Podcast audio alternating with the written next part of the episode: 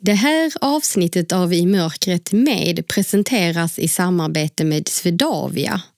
Och vi samarbetar även med Svensk skrivtolkning som textar våra avsnitt som du hittar på vår hemsida imörkretmed.se.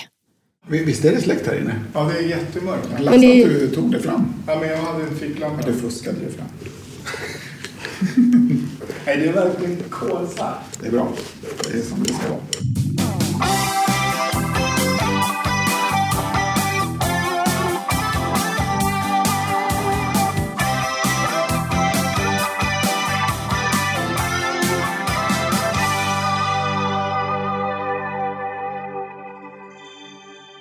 Välkommen till I mörkret med. Jag heter Anna Bergholtz. I det här avsnittet ska vi träffa en person som drivs av att förstå mänskligheten. Han är en av våra mest kända talare inom ämnet kreativitet och finns på listan över Sveriges bästa talare genom tiderna. Han är författare till Idébok som hamnat på listan över de 100 bästa businessböckerna. Uppvuxen i Sverige bor han numera i Singapore och reser jorden runt för att föreläsa, hittills i 67 olika länder. I början av augusti hade vi äran att ha honom som gäst när han var hemma i Sverige för att tillbringa sommaren på sin alldeles egna ö. Ja, du hörde rätt. Och om hans ömani kommer han att berätta mer om i det här avsnittet som också kommer att handla om fördelen med att vara tvilling, vad den kan lära av att resa, om föreläsarbranschen, om att hitta sitt inner theme och hur en kan bli en bra talare. Och självklart är vi också kreativa i mörkret. Som vanligt möter du Ulf Nordqvist, ljudtekniker är Jan Dahlqvist. Jag gillar att ha konversationer i mörkret, säger han. Det här är I mörkret med författaren och den globala talaren Fredrik Herrén. Hej! Hej! Hej, Är du som är Fredrik? det är jag som är Fredrik. Hej, Ulf heter jag. Välkommen Ja, till Svartklubben. Ja, tack så mycket. Har du varit här förut? Eh, jag har knappt varit i Stockholm förut. Jag har knappt varit i Stockholm. Vi har Men... varit på sån här eh, liknande i, i Singapore. I Singapore, jaha. Hur var det Och då? i Kina. Ja, jag försöker spela in dig samtidigt, Ja. därför jag har den här mojängen här. Okej, bra. Uh, no, ja, det var fantastiskt. Men ska vi smita in till Anna då? visst. Det är lika Då bra. börjar vi. Ja, men du kan nog hålla i mig tror jag. Ja, det blir nog lika bra. Första gången jag gjorde det var i, eh, när jag var i Kina. Nej, andra gången i Singapore. Då kom jag på efter ungefär en halvtimme att jag fortfarande har glasögon på mig. Här kommer vi upp på mattan. Vi tar oss bort här till Anna som sitter och väntar på dig här runt Wow, hörnet. vad stort det verkar. Eller är det bara känns? Nej, men det är ganska stort. Hur många får du plats? 48. Okej. Fredrik! Där är bordet! Du kände det i bordet Jag kände att här någonstans är det något. Ledsagar står- dåligt Ja, Ulf tycker jag. Du ska inte ledsaga gästerna in i bordet. Nej, det var jag som gick fel tror jag. Jag, gick, jag försökte köra om. Ja men det är ju Ulf som ska ledsaga. Framför dig där har du liksom själva micken. Ah, har koll på vad du ska prata. bra. Välkommen Fredrik! Tack så du. Vad kul att ha dig här. Ja, detsamma. Är det första gången du är på något sånt här ställe? Nej, det är faktiskt tredje gången. Det är det? Ja, ja. Jag, jag gjorde det i Kina första gången och i Singapore andra gången. Ah, men aldrig i Europa, så det är. Europapremiär. Först och främst, eh, eh, om jag frågar dig hur... Eh, ser du någonting? Nej. Totalt hur, hur mörkt. känns det då? Eh, ja, hur känns det? Det känns väldigt ovanligt med, i och med att jag normalt sett bor i Singapore och nu har varit i Sverige och i Sverige är det så för, fruktansvärt ljust. Det tänker man inte på när man är svensk. När man, när man kommer från ekvatorn upp hit på sommaren då är det otroligt vad det är ljust. På, vi har mörkläggningsgardiner när vi försöker sova det, det går rakt igenom dem. Det är första gången som det på flera, vi har varit här åt, eh, sex veckor tror jag. Första gången på sex veckor som jag faktiskt känner att det är mörkt någonstans. Så det, det är väldigt behagligt måste jag säga. Du får komma hit och sova. Ja, precis. det är ingen dum idé. Börja med att berätta, berätta fritt vem du är. Ja, jag brukar ju bli beskriven som i alla fall som att jag är föreläsare och författare och det tycker jag är en ganska bra beskrivning. Det har varit mitt huvud min huvudsakliga sysselsättning sen, eller eh, heltid sen 2000, så snart 20 år. Eh, jag började redan 95 när jag var 27, började jag föreläsa. Och eh, första fem åren så hade jag också ett, ett, drev en webbyrå. Men sen 2000 så har jag bara föreläst och skrivit, eller bara, men bara, jag, får, jag får den frågan ibland. Vad gör du? Jag är föreläsare och författare. Vad gör du mer då? Jag gör inget mer. Det är det, är det jag gör. Alltså det, det är lite konstigt. Om jag sa vad gör du? Jag är polis, så skulle jag aldrig få frågan vad gör du mer då? Men, så att, lite konstig är frågan, men samtidigt är den också fullständigt relevant för att det är väldigt många människor som är föreläsare och författare som också har andra jobb vid sidan av. Men i mitt fall är det 100% föreläsa eller ingenting alls. Och du föreläser mycket, eller hur? Ja, eller just nu gör jag inte det för att jag är, jag är lite pappaledig, eller jag är ganska mycket pappaledig. Så jag jobbar halvtid kan man säga. Men normalt sett så är, är, är jag eh, föreläser jag. Ja, eftersom det är det enda jag gör så blir det ganska många föreläsningar. Och du är global talare. Ja, det är lite min grej. Jag räknade precis på det i, igår. Då hade jag gjort 15 länder tror jag i år Wow! på sex månader. Ja, det är lite min grej. När trivs du som fisken i vattnet? Oj, det var när jag är på min ö. Jag har en ö som jag kommer direkt från nu. Som heter Svanholmen, som ligger utanför Lidingö. Och där, eh, det, är min, det är min plats på jorden. Det är som en liten Grumme tvättsåpa-ö. Och eh, ja, det jag, där är jag verkligen som fisken i vattnet. Jag hoppar i vattnet och simmar runt ön. Och den är helt fantastisk. Ja, för du är öbesatt har jag läst. Jag är lite öbesatt. Hur kommer det sig? Jag vet inte var det kommer ifrån faktiskt. Ingen aning. Det- Jag tycker det är en ganska svensk grej att vara man åker ut på sitt landställe och är för sig själv. Och det, det, det blir extremt mycket så när man är på en ö. Sen tror jag också att det är för att jag, i och med att jag åker runt och föreläser så mycket och reser så mycket, så vill jag ha någonstans där jag kan koppla bort allting. Och det är väldigt mentalt starkt eh, upplevelse att komma ut och vara på en ö där man är själv, alltså inte dela med någon annan. Man har inga grannar, man har, eh, inga, vi har i och för sig internet och sådär, men mentalt avskärmar man sig så är man, det är väldigt lätt att vara här och nu när man är på, eh, själv på en ö. Eller vi är ju där med familjen, men Ja, och sen fick jag lite ömani då, så jag, jag samlar på öar. Det är min grej. Men sen har jag också eh, ett projekt som just nu heter The Human Island, där jag åker runt och besöker öar. Projektet går ut på att jag besöker 100 öar i minst 25 olika länder på 100 månader. Så varje månad så ska jag besöka en ö någonstans. Och när började det Det projektet? började januari för alltså två och ett halvt år sedan. Och hur många har du hunnit med då? Ja, det är um, ungefär 30 blir det väl då. då. Uh, Och hur många olika länder? Ja, ganska många, 22 tror jag. Eller något sånt där. Så det är nästan i princip har det varit en, en ö per land. Nästan. Så det kommer nog bli mer än 25 länder när jag är klar. Men, så det, men det är allt från Maldiverna och Manhattan till, till eh, en liten ö i en flod i Wien. Eller, ehm, jag var precis Nej, inte precis. Det var ett tag sedan. I januari så var jag på Utöja. Eller jag var inte på Utöja, man får inte komma dit. Men Ja. precis utanför Utöja. Så det är inte bara så paradisöar, utan det är öar. Och så försöker jag, poängen är att jag ska försöka lära mig någonting om mänskligheten. Genom Ja. att besöka öar runt om jorden. Planeten jorden är en liten ö i ett hav av rymd. Det är liksom metaforen. Tanken med det är att om vi såg oss själva som att vi alla bodde på en liten ö, då skulle vi ha en helt annan eh, relation till folk i resten av världen. Så när vi insåg att vi allihop delar den här lilla ön, planeten jorden. Så då åker jag runt planeten jorden och studerar mänskligheten genom att besöka öar. Varje gång jag besökt en ö så bloggar jag då, den heter thehumanisland.com. Så skriver jag en liten text om varje specifik ö. Men den summa summarum av alla de här, det tänkte jag vänta med. Jag vill inte dra en slutsats redan nu. Däremot så kan jag säga att när jag, i januari när jag var på Utö, sen dess har jag inte skrivit, för jag klarade inte av att skriva den texten. Den blev Ja, väldigt... var det? Det var, grejen var att jag var där i januari och det där, ehm, attentatet hände ju i, nu, som, alltså på sommaren, juli. Men när jag var där så var det i januari och det var eh, jättemycket snö. Du vet nu hur det kan bli när snö plötsligt Ja, bara dämpat. eller dämpar Ja. Och det var liksom ingen annan människa där. Det var, vad blir det, alltså, bedövande tystnad var det. Det blev en väldigt, väldigt konstig känsla Ja. att vara själv. Det kändes som en spökö på något sätt. Eller svårt, svårt att beskriva i ord, men också blev det väl, en väldigt djup upplevelse i mig. Då. Så, Ja. så, jag, ja, så jag har fortfarande, som du hör, svårt att sätta ord på det. Men jag har ju läst på massa om dig. Jaha. Och jag har pratat med din tvillingbror. Jaså? Så jag har gjort min research här. eh, och jag tänkte bara så mm, läsa upp lite grejer som du har gjort, för du har gjort ganska mycket. Du sommarpratade 2008, det är tio år sedan nu. Ja, det är det. Eh, och du har eh, blivit årets talare tillsammans med Teo, din bror. Eh, 2012 reste du runt i 23 länder. Är det mer än 65 länder du har talat i nu? Totalt tror jag att det är 67 nu tror jag. Mitt mål är 100. Och det, det är lite grann samma tanke som det här med att besöka 100 öar. Jag, jag är väldigt fascinerad av att, att försöka förstå mänskligheten.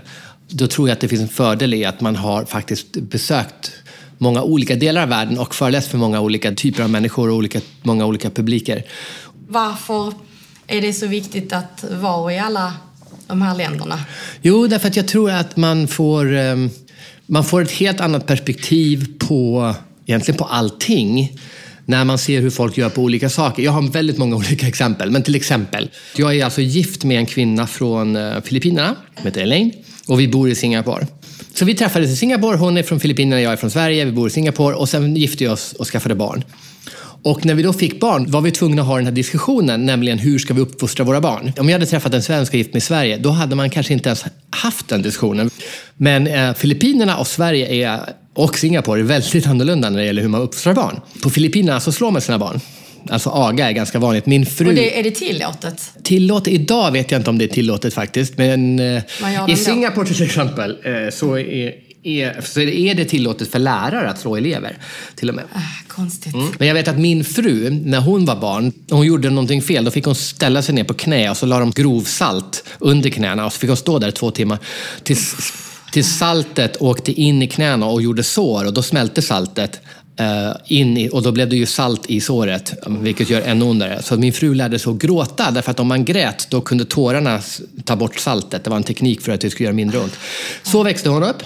Och eh, jag växte upp i Sverige på 70-talet och har aldrig någonsin blivit ens fått en klapp i rumpan av mina föräldrar. Som sagt, hade jag gift mig med en svensk, då tror jag de flesta hade inte ens haft diskussionen, ska vi slå våra barn eller inte? Men vi var då tvungna att ha den diskussionen.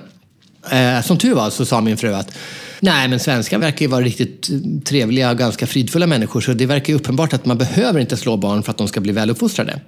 Så vi gör väl inte det då. Och så har vi inte gjort det. Men i Asien till exempel så har man, då har man väldigt respekt för eh, de äldre.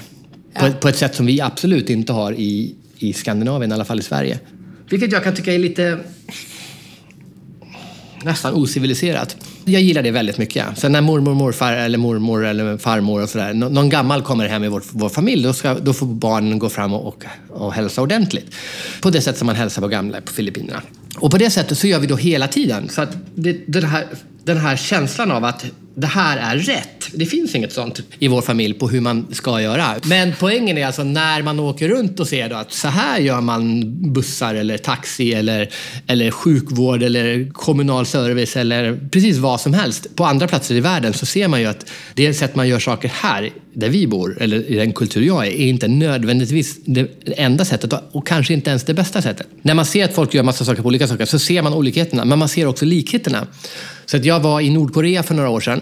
Min guide, som var från England, han hade varit där i tio år som guide. Och då ställde jag frågan till honom på sista dagen. Så sa jag så här, du, jag har bara varit här i fem dagar så jag fattar ingenting av det här landet. Men du har varit där väldigt länge. Säg någonting som du har insett om Nordkorea som, som jag inte kommer att fatta på fem dagar. Och då sa han att they are just like us. De är precis som vi. Allt de vill är att ha ett bra liv för sig, sin familj, sina vänner och uh, för samhället. Mm. Och så sa de så här, eh, they are just like us 80% are good people who just want a nice quiet life for their families and 20% are assholes. Och han sa det är precis så i alla länder. 20% är assholes och 80% är goda människor. Så sa han, the only difference is in some countries the assholes are in charge. Och det tycker jag är väldigt bra. Jag hade Jonas eh, Wahlström som gäst i podden här. Ja, ja. Eh, du Tog han med sig något djur? Det här är han. Nej, jag var så glad att vi var i mörkret för just därför så vågade han inte ta med sig något. Ifall det skulle ha smitit iväg. Men, eh, men han reser ju mycket till Nordkorea och har gjort det i 25 års tid mm. för att mm. hjälpa djurparkerna där bland annat. Ja, ja. Och han gör det ju liksom för djurens skull då.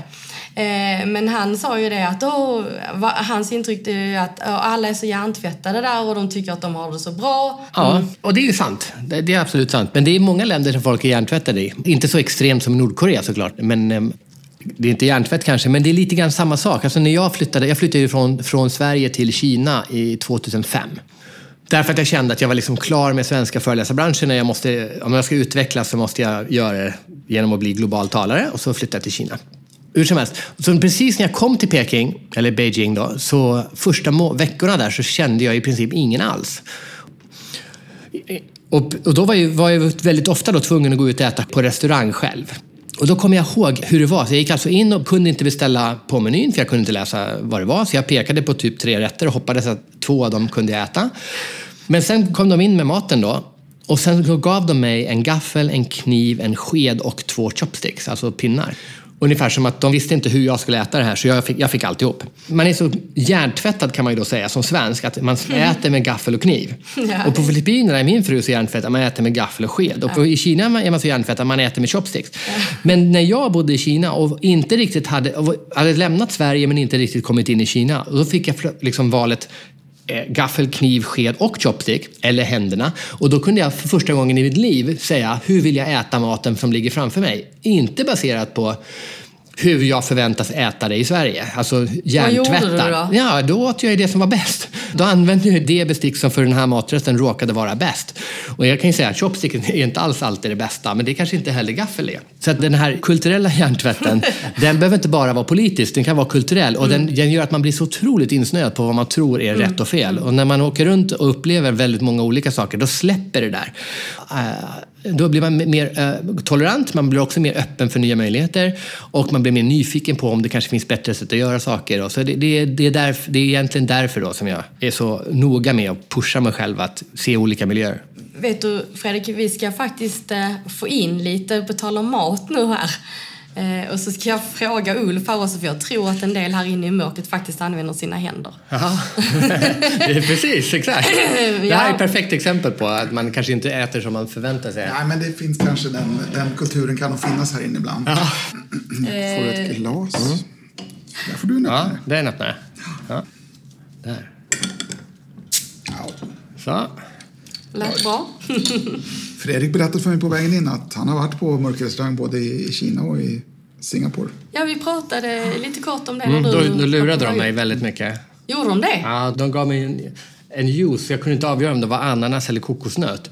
Och så visade det sig efter, jag var jätteförvirrad. Varför kan inte jag smaka skillnad på kokosnöt och ananas? Det här är ju löjligt. Och sen när vi kom ut då var det en mocktail som var gjord på kokosnöt och ananas. Så det var lite luring. Men Vi luras inte verkar- här va, Ulf?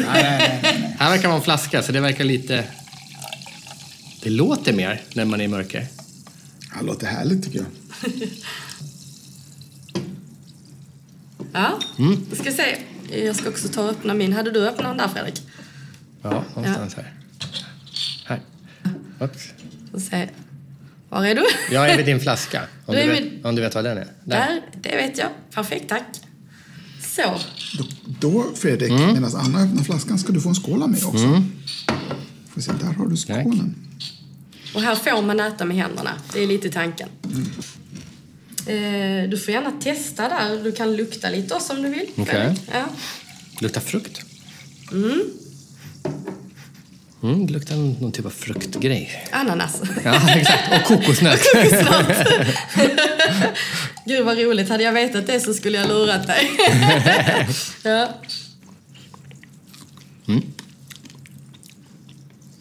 Det här känns som en jordgubbe. Kan det nog vara ja. Jättegod. Ja, vad bra. Sen har du någonting till i skålen där du får väl liksom känna... Där är en eh, grej till som inte är en jordgubbe. Hallon. Ja, kände du det innan du hade stoppat in Ja, munnen? det kände jag redan på... Direkt kände jag det. Jag tror att det är känslan av att när man plockar hallon, så när man är under löven liksom, så känner man så här, här, där är ett hallon. Det stämmer det, ja. Det tittar man kanske inte, nej. Nej, för att där, alltså man ser dem, men vissa gömmer sig under bladen så då känner man så här, okej här, det här är, man kan till och med känna om det är moget eller inte. Just det, ja. Mm, väldigt goda. Ja. Mm. ja, men det är bara att äta. Men du, vi backar tillbaks i tiden. Din uppväxt, du är uppvuxen utanför Norrtälje. Mm. Berätta lite, hur var, var din barndom? Det, det kan jag göra. Det problemet är att jag har väldigt dåligt minne. Har du? Mm. Och då intervjuade jag för några dagar sedan bara en kvinna som, som eh, jobbar med demens, eh, gamla med demens.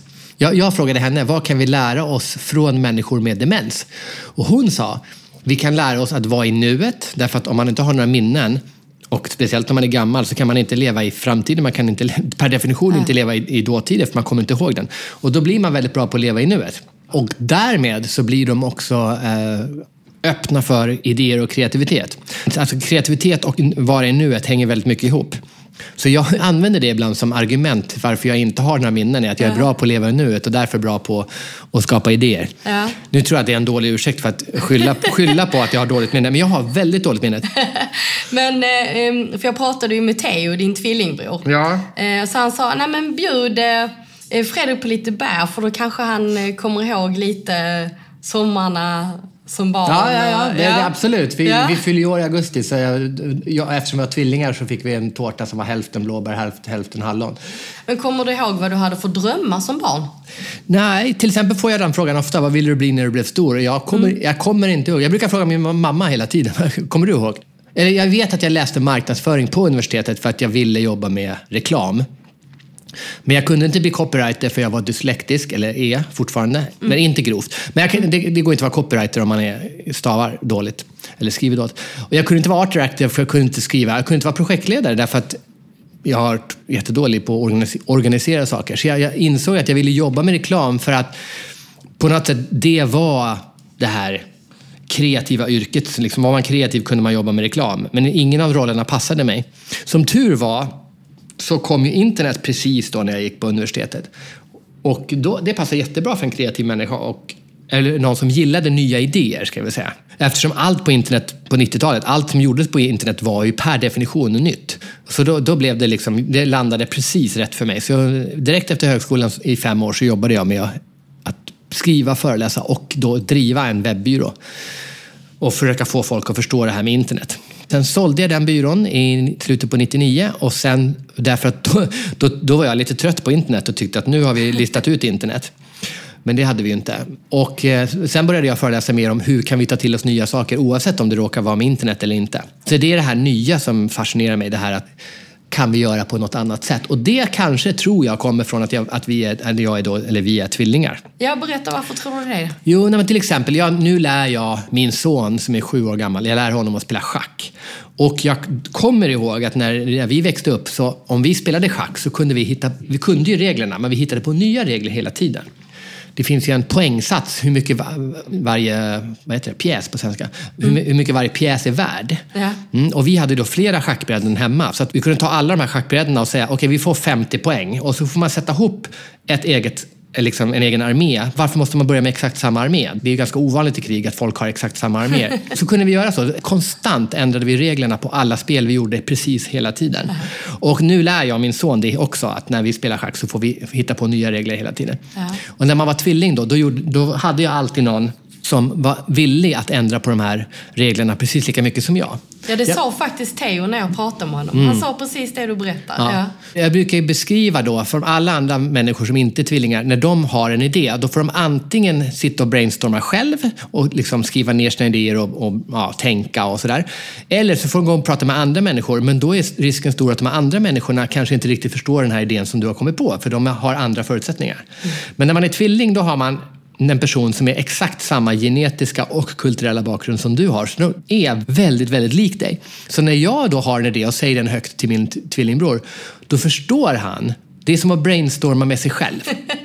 Förstår du? Praktiskt. Ja, och det är väldigt praktiskt. Och då, och då bollar de här idéerna, bollas då väldigt snabbt mellan.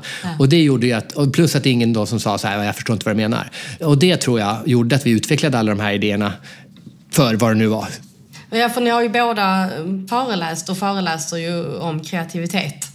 Mm. Nu gör vi det ur lite olika eh, utgångspunkter. Då, då. Ja. Men, men bakgrunden är densamma. Det är just att ifrågasätta varför vi gör, varför gör vi på det här sättet. Varför kan vi inte göra på något annat sätt?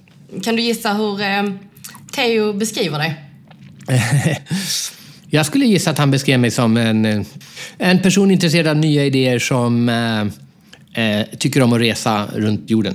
Han sa att du är mycket mer driven än vad han är.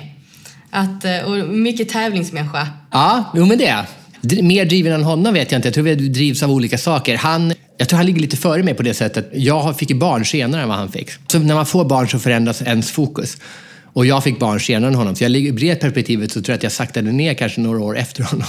Men de senaste åren har jag varit väldigt fokuserad på att vara pappaledig. Eh, jag tror att Ulf är på ingång med lite musik. Jag står här framför dig i mörkret ikväll och bjuder en tur i min ordkarusell. Jag ger dig mitt bästa, jag ger dig en bit av dig själv. I mörkret är sanningen det som du hör. En känsla i luften, ett ord som förför. Det kroppen förnimmer av världen i känsel och smak. Det är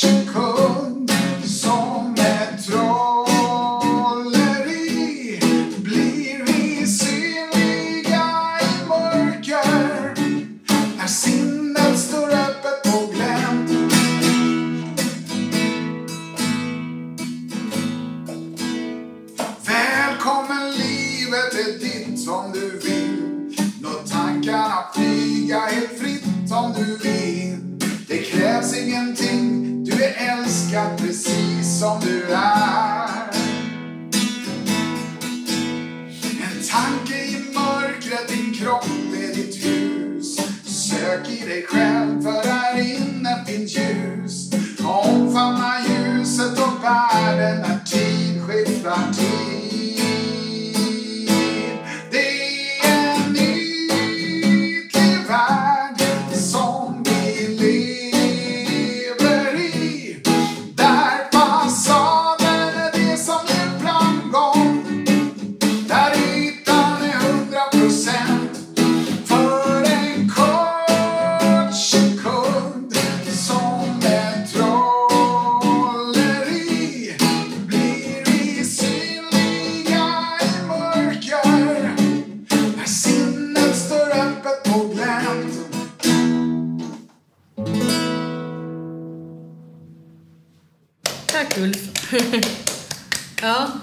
du Fredrik?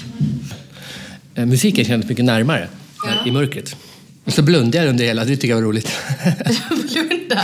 jag Ja. blundade hela, under hela sången. Varför gjorde du det Jag har ingen aning. Nu till vår samarbetspartner Swedavia och ledsagare Håkan Sevegran som visar mig sitt jobb på Arlanda. Så, så ställer jag mig på din sida så Perfekt. snurrar vi runt Ja. lite. Där, nu så kan vi röra oss ut ur säkerhetskontrollen. Men eh, om man använder rullstol, Ja, då måste man ju sitta kvar i sin rullstol när man går igenom och det är ju metall. ja oftast så ber vi tillsammans med säkerhetspersonalen att eh, resenären i fråga ska gå själv igenom. Och klarar man eh, inte att gå själv igenom eh, med stöttning så får man då hjälp att sitta kvar i stolen och sen så gör man en, en sökning som det heter och känner av både rullstol och resenär noggrant så ingenting obehörigt kommer igenom säkerhetskontrollen. Ja. Det här är ganska trånga gångar så här får man vara lite vaksam.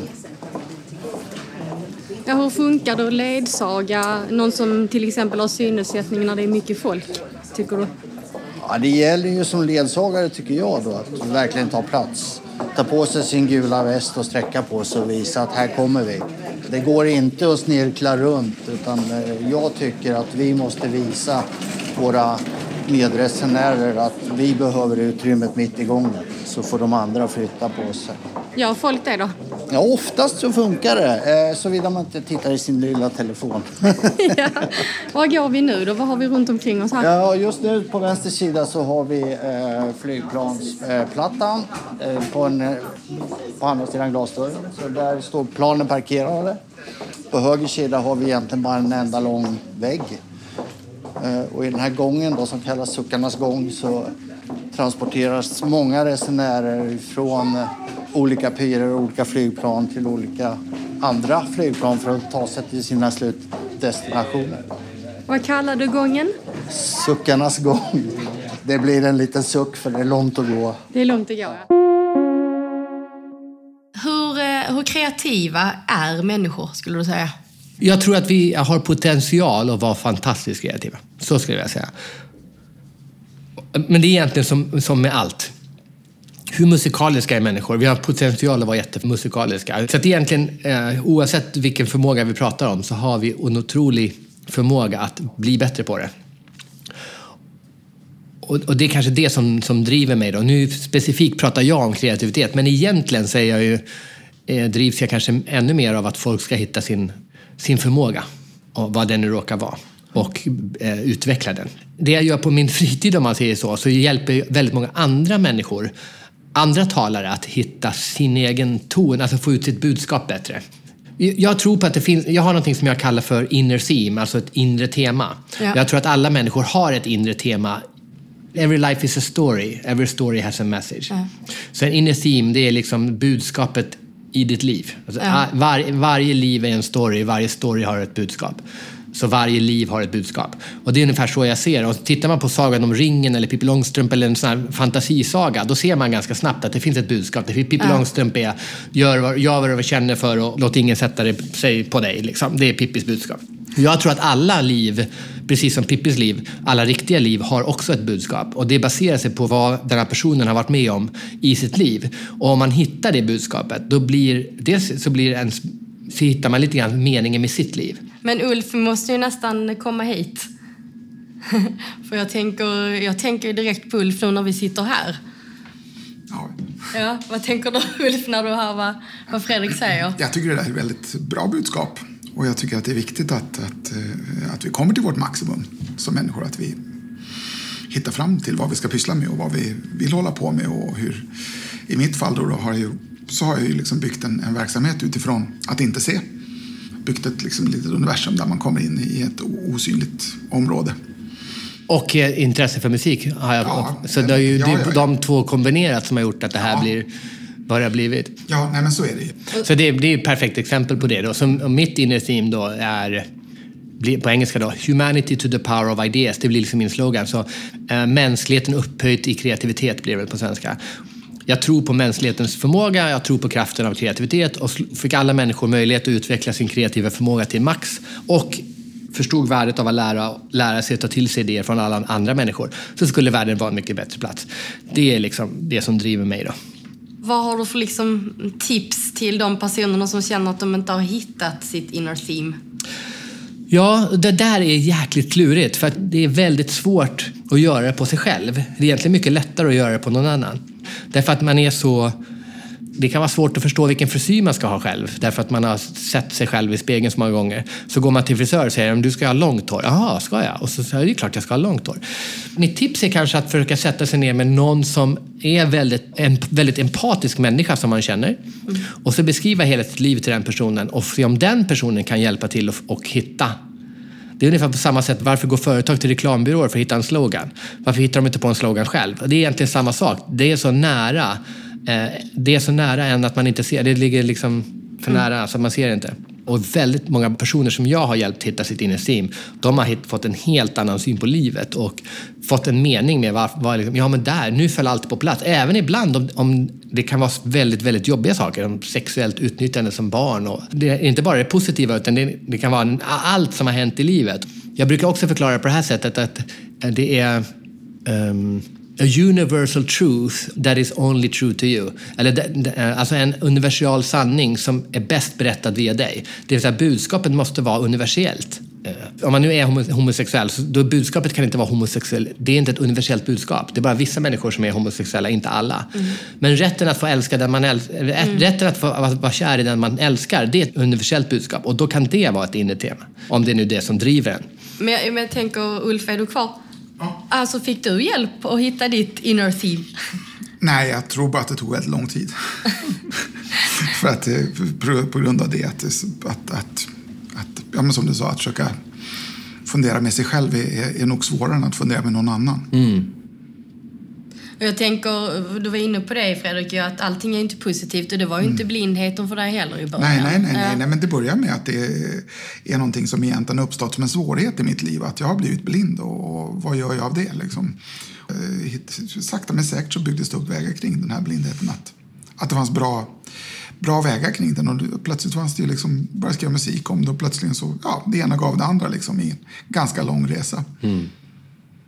Ja, jag, jag tänker också att eh, folk som kommer hit, alltså du, du vill ju försöka ge en annan bild av blindheten, tänker jag. Att det inte är så hemskt som kanske alla tänker att det ska vara.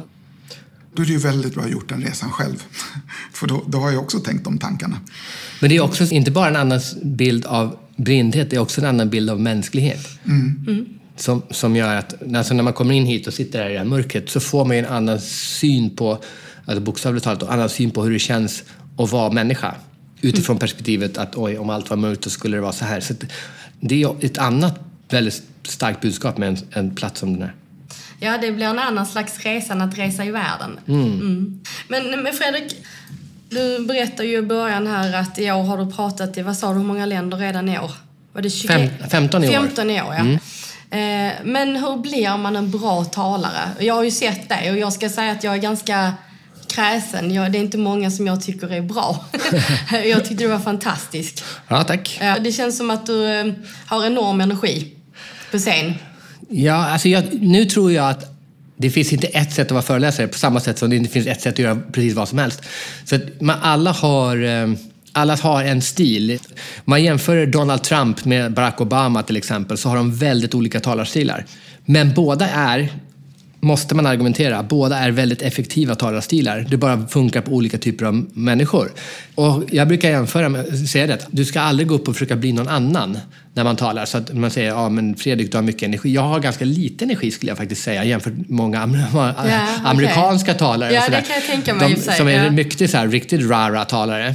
Det Men nu tror... jämför jag mest med svenska talare. Jag tycker de är rätt lugna på scenen. Ja, men det är nog sant. Men å andra sidan, det är en bra, alltså rent, om man ska prata globalt sett. Amerikanska talarstilar funkar i USA, men det funkar inte så bra i resten av världen. Resten av världen gillar inte den stilen. Så att den svenska talarstilen, som är lite mer avslappnad och lite mer, man bara är som man själv är, så går man upp på scen och är sig själv på scen också. Det funkar egentligen mycket bättre. Jag menar, Hans Rosling är ju ett bra, ett bra exempel, som kanske har hög energi, men ändå inte är liksom gurukänd. Så han går ju upp och är bara lite knasig professor, eller gick upp. Ja. Och, men, men eh, å andra sidan, nå- några av världens bästa talare är sådana som går upp och sätter sig på en stol och, och, och, och pratar väldigt långsamt och, och nästan viskar och långa pauser. Och så här, jag är inte sån, jag, hör, jag pratar ju väldigt fort. Eh, så man ska försöka lista ut vad är det som Eh, vad är, min, vad är min egen stil? Och så ska man göra, utveckla den så mycket som det går. Och min stil är väldigt mycket att gå upp, vara mig själv och interagera väldigt mycket med publiken. Vilket gör att jag bjuder in publiken, jag ställer frågor, jag skämtar med publiken. Lite grann mer som en stand-up än som en föreläsare. Och då skapas det en, en energi, därför att det är en helt annan energi i ett stand-up-uppträdande än vad det är i en teaterföreställning.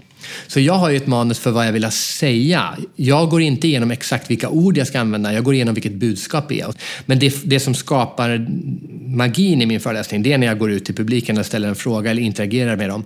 Och då handlar det om att vara i nuet. Och det handlar väldigt mycket om till exempel att innan föreläsningen gå till exempel sitta med under resten av dagen och, och lyssna och se vilka, vilken i publiken kan man skämta med, vilken kan man inte skämta med, hur är publiken, vad är personligheten i publiken?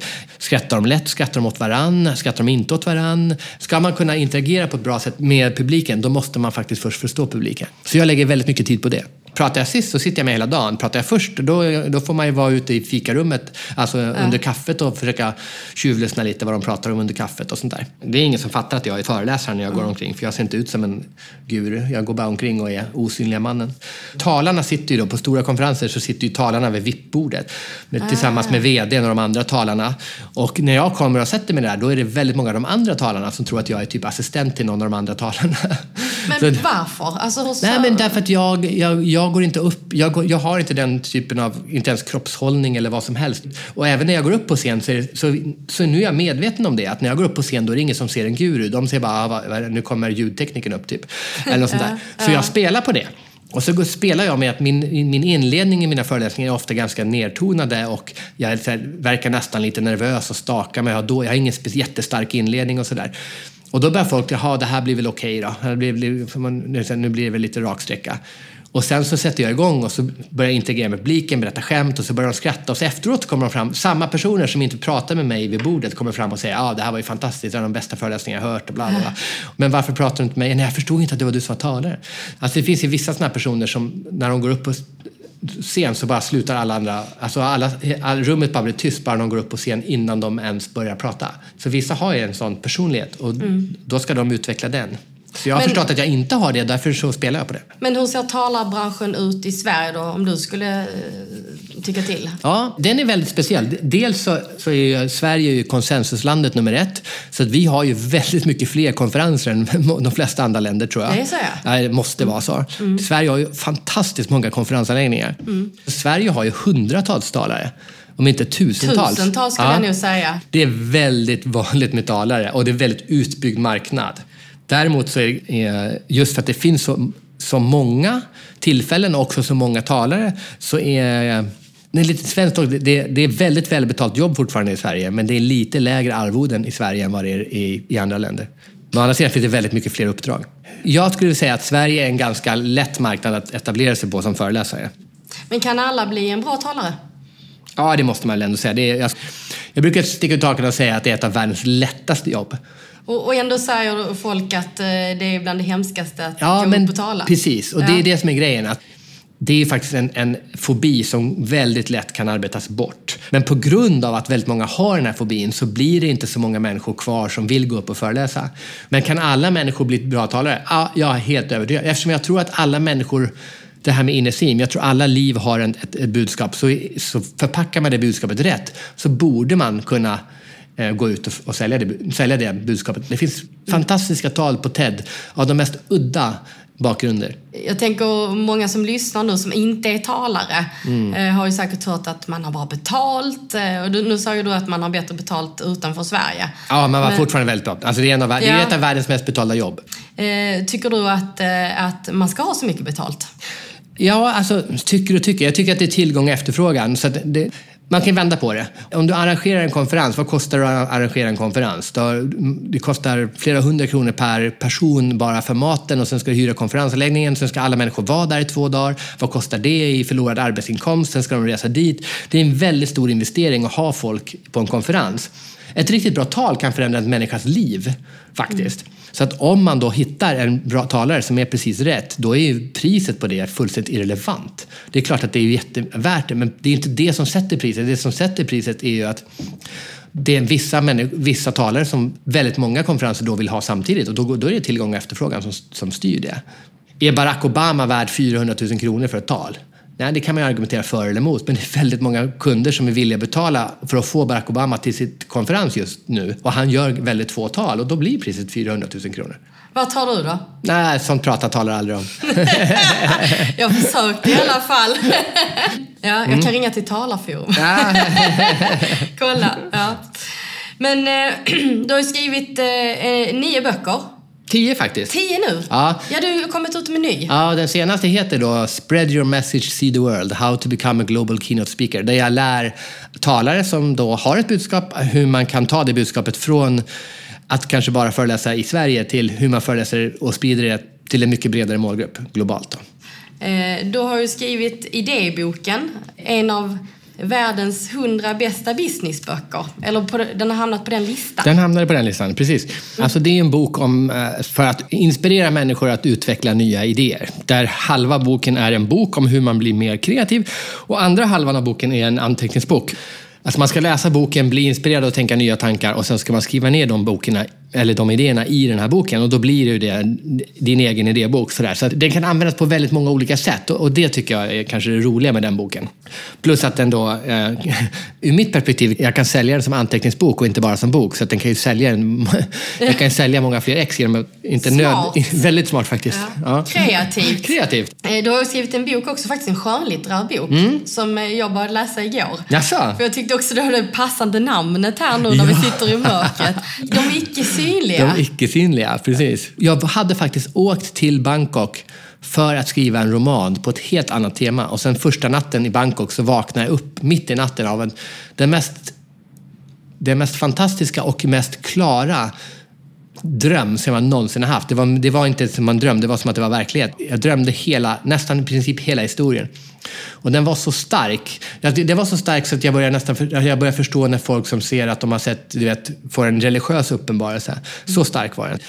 Och så, då satte jag mig ner, klockan två på natten var det, så satt jag och så bara skrev jag ner allt jag kunde komma ihåg av drömmen. Och sen tänkte jag, det här kommer jag glömma bort imorgon. Men dagen när jag vaknade sen så kom jag fortfarande ihåg det. Och då sen, det här måste jag ju skriva ner. Så började jag skriva ner och sen så, så skrev jag nästan maniskt under ett par år den här boken. Och varje gång när jag på något sätt liksom körde fast, då tänkte jag bara så här, men eh, nu ska jag, inte, jag ska inte försöka hitta på boken, utan jag ska bara, boken ska bara skriva sig själv. Så att jag ville faktiskt, när boken kom ut, då ville inte jag ha mitt namn på boken. Jag ville inte att det skulle stå De icke-synliga av Fredrik Karén. Jag ville bara att det skulle stå De icke-synliga som den berättades för Fredrik Karén. Så ville jag att det skulle stå. Men förlaget ville inte det. Men, Ja. men så kändes det. Men berätta något om, om handlingen utan att spoila allt. Det handlar alltså om att det finns en, eh, en eh, alternativ människoras på jorden som vi människor inte kan se. På samma sätt som vi inte kan se infrarött ljus till exempel. eh, Så finns det då en våglängd som, som, av materia som, vi, som ingen kan se förutom barn. Alla barn kan se de, de icke-synliga. Men sen blir, när de blir tre fyra år då blir vår syn lite sämre och då förlorar vi förmågan att se de icke-synliga. Så det, de är precis som oss. Man kan ta på dem, man kan ha sex med dem, de, man kan döda dem. Men vi ser dem inte. Och vad skulle hända med oss människor om vi blev medvetna om att det fanns en exakt en människoras precis som oss. Dessutom då som vi inte kan se. Så, men egentligen så handlar boken om vad det, vad det betyder att vara människa. Eftersom Ja, tesen är lite grann att om, om vi fick reda på att den här människorasen fanns, då skulle vi plötsligt, alla människor, alla, alla vanliga människor, då skulle vi plötsligt börja se oss själva som en ras jämfört med den andra rasen som vi inte kan se. Istället för att se oss själva som svenskar och tyskar och danskar och sådär. Då skulle det bli vi mot de icke-synliga. Eh, och sen är ju budskapet då att varför ser vi oss som vi mot dem? Varför ser vi oss bara inte som människor? Eh, vi ska faktiskt göra en grej nu tänkte jag. Ulf! Jag ska sätta dig och Ulf i lite kreativt arbete. Okej. Nu ska du få en eh, burk av mig här Fredrik. Har du den där? Hittar du den? Mm, ja, här. Där? Ja. Perfekt. Ja. Tung burk var det. Och här får du av mig Ulf, också en burk. Vänta, det är Play-Doh. Och det tog du direkt. Ja. Är det barnen? På lukten, absolut. På lukten? Små barn. Ja, visst. På lukten? Ja, men det luktar nog speciellt. Alltså det är ju Det är lite väldigt, barndoms... eh, väldigt speciell lukt. Ja, det är det. Vad tror du det är för färg på den då? Oj. Fredrik? ja, eftersom burken oftast är gul så säger jag gul. Ah, gud! Stämmer. Ja, nu luktar jag också där. Där kom doften. Då tänker jag att eh, du Ulf, ni ska få göra av leran eh, eh, någonting, en figur eller vad ni än gör, eh, någonting som ni gillar, ni tycker bra om. Och sen så ska ni få utbyta de här eh, leklumparna med varandra så ska vi se om ni kan gissa varandras. Okej. Är den eh, mjuk så att den går att jobba med? Ja. Ja. Det är bra. Nu kommer det här vara väldigt lätt men väldigt svårt kan jag säga. Okej. Alltså för dig att gissa. För jag är redan klar nämligen. Är du redan klar? Ja, men det, det här är- kommer bli väldigt svårt att gissa, men det är egentligen väldigt lätt. Det är min ledtråd. Jag vet vad, jag är också klar. Jaha, okej, vad bra. Är du också klar? Mm. Men, eh, Då byter vi, eller? Byter nu där, ja. Där kommer jag till dig. Ja, Okej. Där får du den. Ja, här får du den. Ska ni gissa nu då? Ja, jag säger att det här har någonting med, med Fredriks senaste fem år att göra. ja, på ett sätt har det det. det är, eh, indirekt har det det. Det här skulle jag säga är eh, inte föräldraledighet, men ett päron. Ja, det är, det är en bra gissning. Det är väldigt pärformat, måste jag säga. Det, det var bra gissat. Jag får känna, Ulf. Mm. Du se. Ja, just det. Gud, ja, det känns ju som ett päron. Och du då, Fredrik? Hur går det för dig? Ja, det är en väldigt, väldigt speciell form. Ehm, det känns som en... eh, det känns som en bulle. är det en bulle? Vad är det för sorts bulle? Ja, kanelbulle? En kanelbulle. Ja. Ja, ja, vad bra. Ja. Okej, Fredrik. då. Ja. Vad är päronet för någonting? Ja, men det, det är lite meta, därför att... Eh, vad heter det? Play-Doh, det är att man kan göra massa olika saker. Så är det en Barbapappa. Barbapappa, ja. Det borde jag ju veta som har en Barbapappa-docka hem. Så han kan ju bli massa olika saker, så jag tänkte jag gör en Barbapappa så kan han bli vad som ja. helst. Ändrar Men han, form. han ser lite grann ut som ett päron när han inte har blivit någonting annat. Det finns en Barbapappa-bok som handlar om Barbapappa-familjen åker till en öde ö. Så det är väl den historien jag gjorde. Jag trodde nästan att du äh, först när Ulf sa att det kändes pärformat, att det var en ö. Men- Nej, det var faktiskt tankemässigt gick det där. För först tänkte jag göra en ö, sen tänkte jag på den där Barbapappa-boken när de åker till en ö. Så jag gör, jag gör Barbapappa helt enkelt. Brukar ni leka med Play-Doh med barnen? Ja, de, de gör... eh, De leker lite grann med det, men jag, jag, jag gillar inte riktigt Play-Doh faktiskt. Här har det... Och jag som tänkte skicka med dig Ja. Play-Doh Jo, till det dina får barn. vi gärna göra. Men jag, när jag gör köpare, de, de, de, de blandar färgerna för mycket och sen, Ja. blir, det, sen blir det inget kvar. Just det, här, Här- nu ska här är en bulle. Där var, ja men den tror jag ska ner i här. Ja, det var fin Ulf. Mm. Ja. Det var en väldigt välgjord bulle. Ja. Den, den lägger jag så. Och sen har du här din. Den har jag tryckt ihop nu till en klump. Där har du din, Fredrik. Där. Där. Ja, och sen har du den andra burken där. Ja, den har jag. Så det kan du ta hem till, Ja, perfekt. till dina... Hur Ja, gamla är dina barn? De är tre, fem och sju och ett halvt. Men eh, hur ser ditt liv ut idag? Du har ju berättat att du är föräldraledig. Ja, just nu håller jag på att bygga en trädkoja. Så det gjorde jag idag. Jag bygger en trädkoja i form av en jordglob. En jättestor, två gånger två meter stor jordglob som man ska klättra in underifrån. Så det är, eh, vi får se, i glasfiber. Jag har aldrig jobbat med glasfiber. Vi får se. Den ser lite grann ut som ett päron just nu. Men eh, förhoppningsvis så kommer den se ut som en jordglob när jag är klar och eh, då blir det lite då kommer jag ha en jordglob hängande från ett träd på min ö. Det, det, det sammanfattar mig ganska väl. Eh, Leka med barnen, bygga en jordglob, sitta på en ö. Det är Fredrik här i ett nötskal. Nu ska vi se om jag hittar pappret för jag ska ge dig lite snabbfrågor. Mm. Men vart tog det vägen nu då? Nu ska se, jag, ska, jag måste nog kolla på golvet här. Jag undrar om inte pappret har åkt ner. Det är ju alltid så för min del att jag försöker lägga eh, grejerna, i synnerhet när man sitter så här. Känns det som Hittar du det? Du hittar det? det är ju, ja. Punktskrift. Ja, det känns som något. Här kommer Ja. den. Kan det vara den? Ja, du vill inte läsa? Kan jag hitta på frågorna kanske? ja, precis. Då kör vi. Snabbfråga. Är du redo? Japp. Eh, te eller kaffe? Te. Jag har druckit två koppar kaffe hela mitt liv. Chips eller smågodis? Åh, eh, inget av dem. Jag Nej. försöker dra ner på det där. Nötter, säger jag. Ja, det var inget alternativ, men det är kreativt. Du hittar på ett eget svar. Eh, teater eller konsert? Åh, teater, säger jag nog då. Hemmakväll eller utekväll? Eh, hemmakväll med barnen och familjen. Mm, garanterat. Och hur ser en sån kväll ut?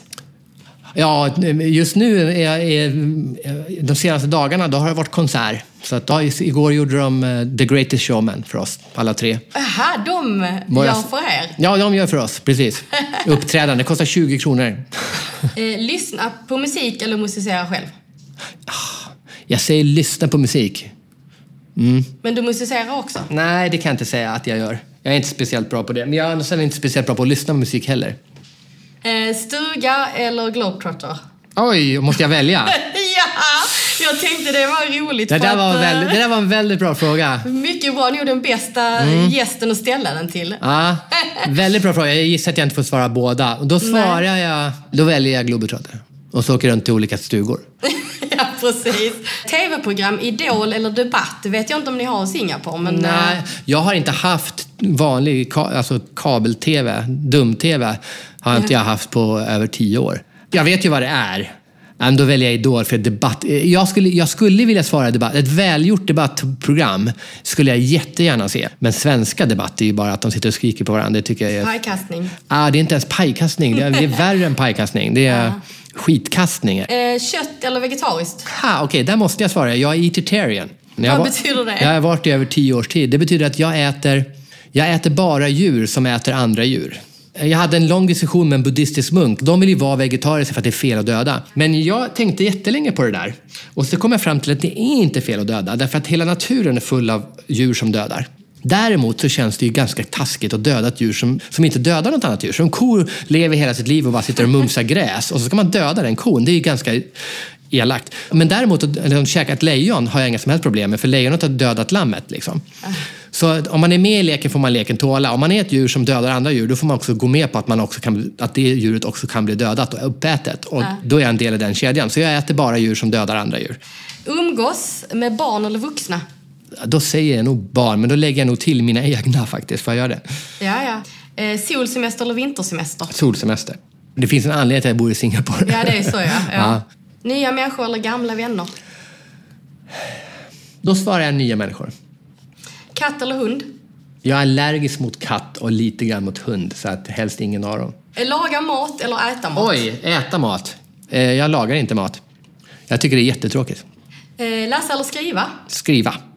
Nej, det är mycket roligare att skapa någonting. Och Jag, jag älskar processen av att, att, att skriva. Och skriva om och skriva ner och tänka ut och sådär. Det är, det är bland det roligaste som finns. Sista nu då. Eh, prata eller lyssna? De är verkligen direkta motsatser. Jag älskar att göra intervjuer. Alltså jag tycker att det är jättekul att vara på en podcast, men jag tycker det är mycket, mycket roligare att göra intervjuer än att bli intervjuad.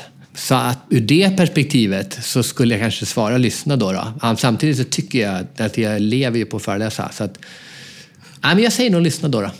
Hur mycket autografer brukar du skriva? 20 i månaden kanske. 20 i månaden? Ja. Det är mycket. Är det? Ja, jag skriver aldrig autografer.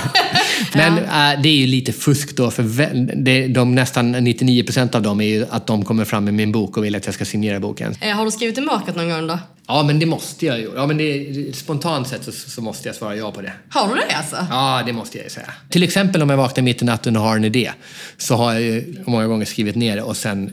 Eh, så det, har- ja, det har jag många gånger. Utan att se det? När du skriver? Ja, absolut. Då har du rutin på det för det ska du få göra nu. Ja, okej. Du Men jag få- skulle lägga till också att ofta ser jag inte vad det står sen när jag vaknar. Men det är en annan sak.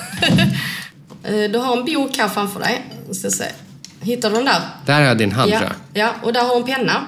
Ja. Och det här är I mörkret meds gästbok där Ah. alla gästerna skriver en signatur eller Ah, okej. vad man vill. Ja, okej. Nu har jag boken här. Jag tror att spetsen på pennan är ute. Mm, det tror jag också.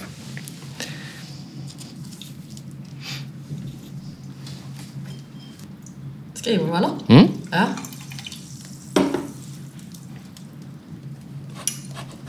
Okej. Jag tror att du skrev någonting mer än din namnteckning. För att eh, jag hörde och det var nog namnteckningen. Det var namnteckningen. Vad skrev du då? Jag gjorde en smiley, ett smiley face. Eh, och sen skrev jag smile in the dark. Jag vet inte varför, men det var det jag skrev. Smile in the dark. Ja. hur känns det nu då? Hur länge tror du att du har suttit här? Oj, det var en väldigt bra fråga. För det tänkte jag faktiskt på. Jag har aldrig klocka och jag brukar ha väldigt, väldigt bra tidsuppfattning på ungefär vad klockan är och sådär. Men eh, jag har faktiskt ingen aning. Jag, sk- jag skulle sagt 90 minuter, men jag har ingen aning. Vi har suttit här längre än så. Eh, två timmar ganska så exakt. Ah, okej. Nej, men det är många som gissar eh, att eh, det är kortare tid. Men hur känns det annars då? Nej, jätteroligt. Det är roligt. Jag har, ehm, jag har kommit på mig själv att, att blunda många, inte bara när han spelade musik, utan även när vi pratar. Men jag gillar, jag gillar att ha konversationer i mörker. Varför det då? Alltså när man ska ha ett samtal med någon, då kanske man vill titta i ögonen och förstå, förstår vad jag säger och sådär. Nej, men det här är mer som en, jag ska berätta om mig själv. Och då tycker jag att det, att det känns mer skissartat att inte behöva se någon i ögonen och se om de hänger med eller inte. Utan jag, jag, bara, jag bara pratar på. Och hur tror du att kreativiteten påverkas då? Av att sitta i mörkret? Jag menar, Ulf och jag, vi ser ingenting, så det här är ju vår vardag. Ja. Jo, och då kommer vi tillbaka till det här, men jag, jag skulle jättegärna vända på det. Och när vi är klara här så vänder vi på det så ska jag göra en intervju med dig. Ja. För att jag är jättenyfiken på det. Framförallt med människor som har sett och sen inte ser, som du. Eller som båda er, förstod jag. Ja. Så eh, då har, man, då har man upplevt båda. Det är precis som att flytta från ett land till ett annat. Då har man upplevt båda. Och jag är jättenyfiken på vad, eh, vad det kan tänkas betyda. Ja, men jag kände ju själv att när vi öppnade Playdon så luktade det mer än vad det skulle göra om jag hade sett den. Musiken kom närmare och sådär. Ja. Så det, eh, meditation till exempel är, är något som många kreativa människor gör för att komma i kontakt med sin hjärna. Så tar man bort alla andra intryck för att liksom bli med sig själv i sin egen hjärna. En av de vanligaste platserna där folk får bra idéer är precis innan eller precis efter dem eller i sömnen. Vilket också då är när man har blundat och stängt av resten av världen. Inspiration betyder ju andas in. Anledningen till att jag åker runt i världen är för att jag vill få massor med inspiration och se massor med saker. Men sen är ju anledningen att jag lever på en ö i två månader, det är för att jag vill få motsatsen, alltså eh, andas ut. Och kreativitet är ju att andas ut. För man, man inspiration ger intryck som man sen kan skapa från. Men eh, för att kunna skapa, då måste man ju stoppa intrycken och sen få tid att kunna få... Man kan ju inte andas ut om man inte slutar andas in. Och är man då blind så kanske man måste anstränga sig mer för att få intryck. Men samtidigt kanske ha lättare att stänga av resten av världen så att man kan skapa uttryck. Det är min eh, amatöranalys. Och jag tänker också att eh, för att eh, också liksom klara vardagen, för att vi lever i en värld som är seende. Mm. Eh, då måste man också bli väldigt kreativ. Mm. Absolut. Och man ser perspektiv som andra personer inte ser. Så att visst, jag allt som ger en ett annat perspektiv är jag, är jag för. Om det är att resa för att se ett annat perspektiv eller se bokstavligt talat ett annat perspektiv. Allt sånt är bra. Jag tror också det. Tusen, tusen tack Fredrik för att du kom hit. Tack så hemskt mycket. Det var jätteroligt. Eh, jag kommer ut också alldeles strax. Vi ska mm. ta lite foton Fredrik. Ja, det. Ja. Tack för att du lyssnat. Och Fredrik kan du följa på fredrikharén.com, professionalspeaking.com eller innertheme.com. Och oss kan du följa på vår Facebook-sida och vi har också en hemsida, imjokretmed.se och vi har e-post hej imörkretmed.se. Vi hörs igen om två veckor.